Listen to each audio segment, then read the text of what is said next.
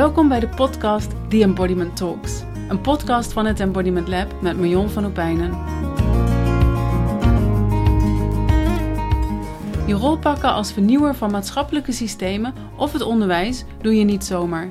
Dat vraagt visie, lef en moed. In deze podcast maken we een diepe duik in inzichten en kennis over hoe we als mens bedraad zijn en hoe meer lichaamsbewustzijn jou kan helpen om stevig te staan in deze pioniersrol.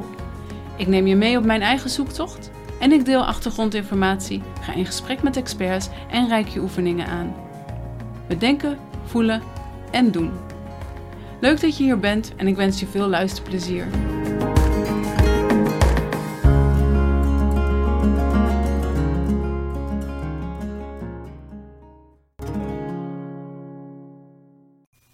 Welkom bij deze nieuwe aflevering van The Embodiment Talks.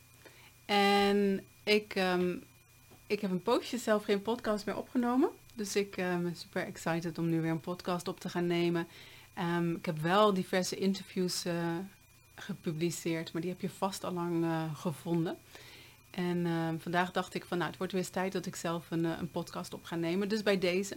En ik ben ook aan het experimenteren met, met hem opnemen op video. Dus ik ben heel benieuwd hoe dat, hoe dat gaat en hoe dat is. Want ik post de video's of de interviews, die post ik in video op, um, op YouTube. En um, mijn eigen podcast, die post ik daar ook, maar daar zit eigenlijk nooit beeld achter. Dus daar plak ik een plaatje op en dan is die ook om, uh, om te luisteren. Dus ik ga nu eens kijken hoe dat is als ik hem, uh, als ik hem zo inspreek en dan, uh, en dan opneem. Dus dat is een experiment. En maar daar gaan we het vandaag niet over hebben. Waar ik het vandaag over wilde hebben was over het verschil tussen um, iets begrijpen en iets betekenis geven. En, um, en vooral waarom dat van belang is bij, uh, bij verandering of bij maatschappelijke verandering. En ik zal daar ook wat voorbeelden um, over geven. Maar waarom ik ja, heel veel van. Een van de dingen in die embodiment talks wat ik interessant vind is om naar te kijken is om vanuit mijn duurzaamheidsachtergrond, maar ook vanuit mijn therapeutische praktijk, daar zie ik heel veel dingen. En ik, ik ergens voel ik, merk ik van binnen dat ik zie van ja, dit, dit moet vertaalbaar zijn. Dus wat in het klein gebeurt bij onszelf, dat, hoe vertaalt zich dat dan naar het grotere geheel binnen bedrijven of binnen de samenleving? Dus dit, ja, dat is een beetje de zoektocht die ik steeds ga. Dus vandaag ook rondom de begrippen um, begrijpen en betekenis geven. En daarvoor wil ik eerst een voorbeeld geven uit mijn, uh, uit mijn praktijk. Um, omdat ik heel veel cliënten krijg in mijn praktijk die al best wel veel cognitieve therapie hebben gedaan en dan um, bij mij komen en ondertussen weten ze het verhaal van hun leven prima te vertellen. En uh, ze weten wat er is gebeurd, ze weten hoe dat vertaalt naar hun, naar hun gedrag. Um, hoe ze daar ook um, in, veranderingen in aan kunnen brengen. En tegelijkertijd zegt dan van ja, er is iets, het blijft gewoon een beetje schuren, want ik heb het gevoel dat het nog steeds in mijn, uh, in mijn lichaam zit. En dat is wat mij betreft ook waar dus um, lichaamstherapie of lichaamsgerichte therapie eigenlijk belangrijk in is. En maar wat ik dan zie is dat er twee van die werelden zijn. Dus er is een wereld van de cognitieve therapie en is er een wereld van de um, uh, van de lichaamsgerichte therapie. En die communiceren eigenlijk heel erg lastig. Terwijl het vooral bij het maken van verandering het zo belangrijk is dat we dat wat we ervaren in ons lijf ook daadwerkelijk om kunnen zetten en betekenis kunnen geven naar het dagelijks leven. En dat is iets anders dan je verhaal kunnen vertellen. En precies weten wat er gebeurd is in je leven en wat, hoe dat heeft geleid tot um, uh, tot bepaald gedrag of tot bepaalde patronen. Dus betekenis geven aan iets is voor mij iets anders dan, is ook een, een, een bottom-up iets. Dus je ervaart iets in je lijf en dat krijgt woorden. En met die woorden krijgt het een bepaalde betekenis. Um, en dat begint bij het gewoon alleen al het verwoorden van de lichaamssensaties die er zijn. Of wat voor emoties dat oproept. En op een gegeven moment kan het zijn dat daar bijvoorbeeld beelden bij komen. En dat kun je heel vaak helemaal niet verzinnen. Maar het krijgt wel betekenis doordat we de woorden aangeven. En daar kunnen dan ook weer inzichten uitkomen. op het moment dat we een inzicht hebben en dat ook verbaal kunnen uitdrukken, dan kunnen we ook dat in ons dagelijks leven gaan brengen en tot verandering komen. Wat iets anders is dan het begrip hebben over de situatie. Want wat ik daar heel vaak in zie, is dat het um, begrijpen van wat er gebeurd is vaak niet uh, verbonden is met de daadwerkelijke ervaringen in het lijf. En dan, ja, dan lijkt het soms wel bijna alsof er een soort van mismatch is tussen, um, tussen ja, wat, de, wat, wat, wat de cliënt vertelt en hoe serieus dat ook kan zijn. En um, ja, wat, wat daarvoor fysieke sensaties of emoties bij, bij zouden kunnen passen. Het is dan bijna, iemand vertelt over iets heel serieus wat er gebeurd is en het is bijna alsof, het, alsof iemand vertelt over um, uh, ja, dat hij de buurman of buurvrouw tegen het lijf liep en daar een praatje mee had. En ja, de echte transformatie die vindt dus plaats op het moment dat zowel de fysieke sensaties als de emoties als het, de betekenis die het krijgt in het meer cognitieve, als dat met elkaar verbonden is. En dan kun je ook vanuit een andere plek, namelijk vanuit een plek van het diepe weten, verandering maken in je leven. Nou, dan is natuurlijk de vraag, en hoe vertaalt zich dit nu naar ons dagelijks leven? Of hoe vertaalt, nee, sorry, dat bedoelde ik niet. Hoe vertaalt zich dit nu naar verandering in de, um, in de samenleving? Of verandering bij bedrijven bijvoorbeeld. En ook daar zien we vaak dat verandering wordt ingegeven vanuit concepten, vanuit een cognitieve uh, begrip hebben over iets van dat het anders moet. En we vergeten dan ook de doorleefde ervaring eigenlijk mee te nemen. En ik vind, als ik nu zo de wereld inkijk met alles wat er gebeurt, um, allerlei affaires, um, uh, de toeslagenaffaire, de asiel, uh, problematiek, de klimaatverandering die we meer dan ooit deze zomer hebben, hebben gevoeld. Ik zie op heel veel plekken ook het water lager staan dan dat ik het ooit heb zien staan. Um, uh, maar ook de oorlog in de Oekraïne. En zo zijn er allerlei situaties op dit moment um, die maken dat omdat we het nu echt gaan voelen en we voelen wat het met ons doet, de energie die omhoog gaat, um, de angst die dat ook meebrengt voor mensen, van ja, wat ga ik eigenlijk betalen eind van het jaar? Kan ik dat opbrengen? Wat betekent dit allemaal voor mij? Dus nu we het echt gaan voelen, zie je, merk ik ook dat mensen er anders over gaan praten en dat er bij een grotere groep een stuk bereidheid is om daadwerkelijk tot verandering te komen. Dus hierin lijkt ook dat dat de ervaring en, um, van bottom-up eigenlijk belangrijk is om ook daadwerkelijk stappen te gaan zetten naar een meer duurzame samenleving.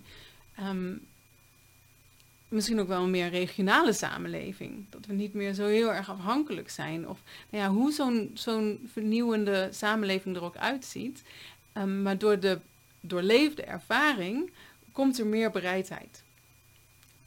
En natuurlijk weet ik niet hoe dat op de lange termijn gaat, gaat, gaat ontvouwen en gaat gebeuren. Maar ik, ik, ik merk wel dat, dat de gesprekken anders gaan. En, um, en dat mensen aan het zoeken zijn van... hé, hey, hoe ga ik dit doen? Kan ik misschien dit of kan ik misschien dat? Um, dus hoe vervelend alle crisissen ook zijn... misschien dat er ook wel een lichtpuntje is in, um, in dat we meer bereidheid hebben om tot verandering te komen. En ik wil nog een ander voorbeeld geven. En dat is een voorbeeld um, van een, um, uh, een situatie in een, uh, in een, uh, een klas, een les die ik gaf. Um, al een poosje geleden. En in dit voorbeeld, ik, ik zat in een prachtig grachtenpand in midden in Amsterdam. Met zo'n hele oude houten renaissance tafel of zo. Heel dik, echt prachtige tafel. En we zaten daar met zo'n twaalf studenten omheen. En we hadden het over nieuwe organisatievormen en oude managementstructuren. En hoe dat dan tot verandering kon komen. Nou, dat was best wel een heel ja, conceptueel verhaal waar we het over hadden. Dus ik heb op een gegeven moment groepstudenten uitgenodigd en gevraagd van ga er nou eens in staan van hoe het nu eigenlijk is en hoe jullie denken dat het nu is. Dus een van die studenten die klimt op die enorme tafel met die enorme kroonluchter erboven.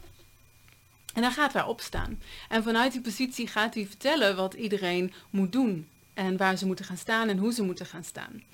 En, um,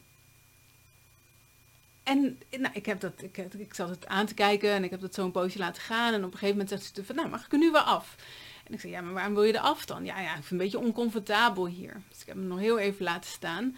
Um, maar doordat hij, um, en op een gegeven moment wel gezegd van, ja, nu mag je er wel, uh, wel afkomen. Ik heb het ietsjes verlengd, zodat hij echt die, die discomfort eigenlijk, dat oncomfortabele kon, kon voelen en nog meer kon, um, ja, kon ervaren, zodat we er echt een gesprek over zouden kunnen hebben.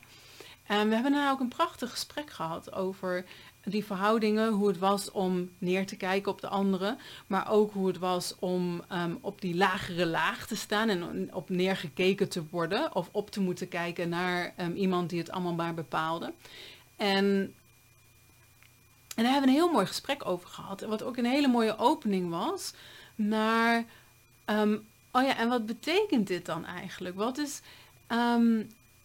wat, wat doen we, wat betekent dit op een, een meer onderlaag met wat zo'n managementstructuur eigenlijk doet met iedereen die, in die ergens in die managementstructuur ergens op een laag eigenlijk zit.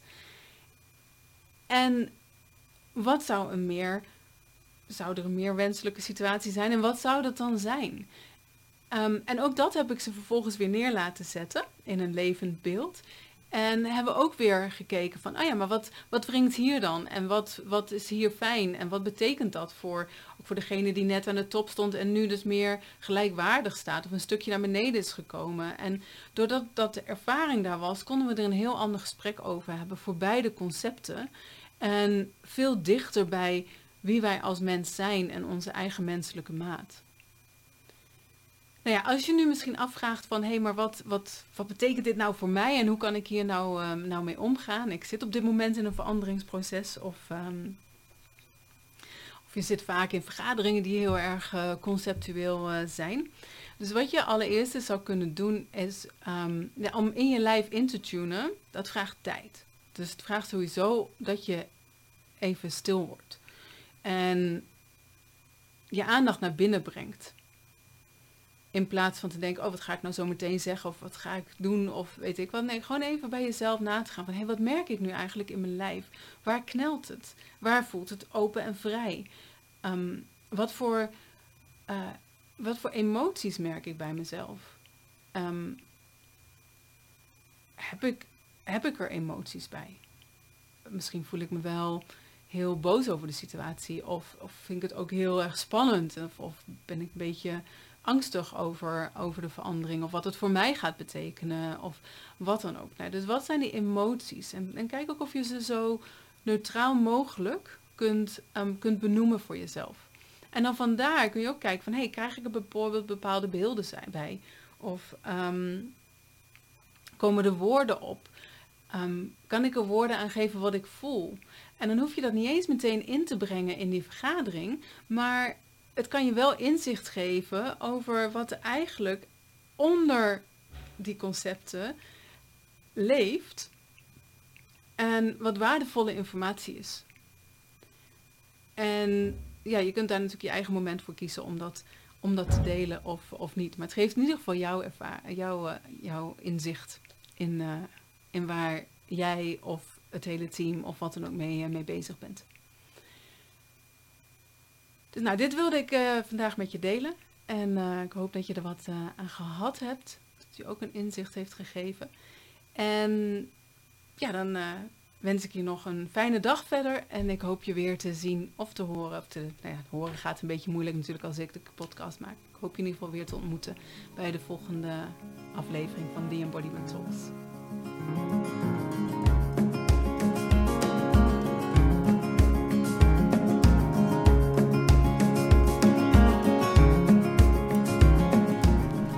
Dat was hem weer. Leuk dat je luisterde naar deze aflevering van The Embodiment Talks. Ik zou het leuk vinden als je me laat weten wat je ervan vond of welke inzichten je eruit hebt gehaald. Mail me op marion.embodimentlab.nl Dit mailadres kun je ook gebruiken om met me in contact te komen. Of als je me een onderwerp of vraag wilt sturen, zodat ik daar in een van mijn volgende afleveringen dieper op in kan gaan. Wil je op de hoogte gehouden worden van nieuwe afleveringen? Abonneer je dan op deze podcast. Of ken je iemand voor wie deze podcast ook interessant is? Twijfel niet en stuur een link door. En vergeet ook niet deze podcast te liken of een comment achter te laten als dat in jouw podcast-app kan. Meer informatie over mijn werk vind je op mijn website embodimentlab.nl. Korte filmpjes over relevante onderwerpen post ik op mijn YouTube-kanaal Embodiment Lab. Dankjewel voor het luisteren en graag tot een volgende keer.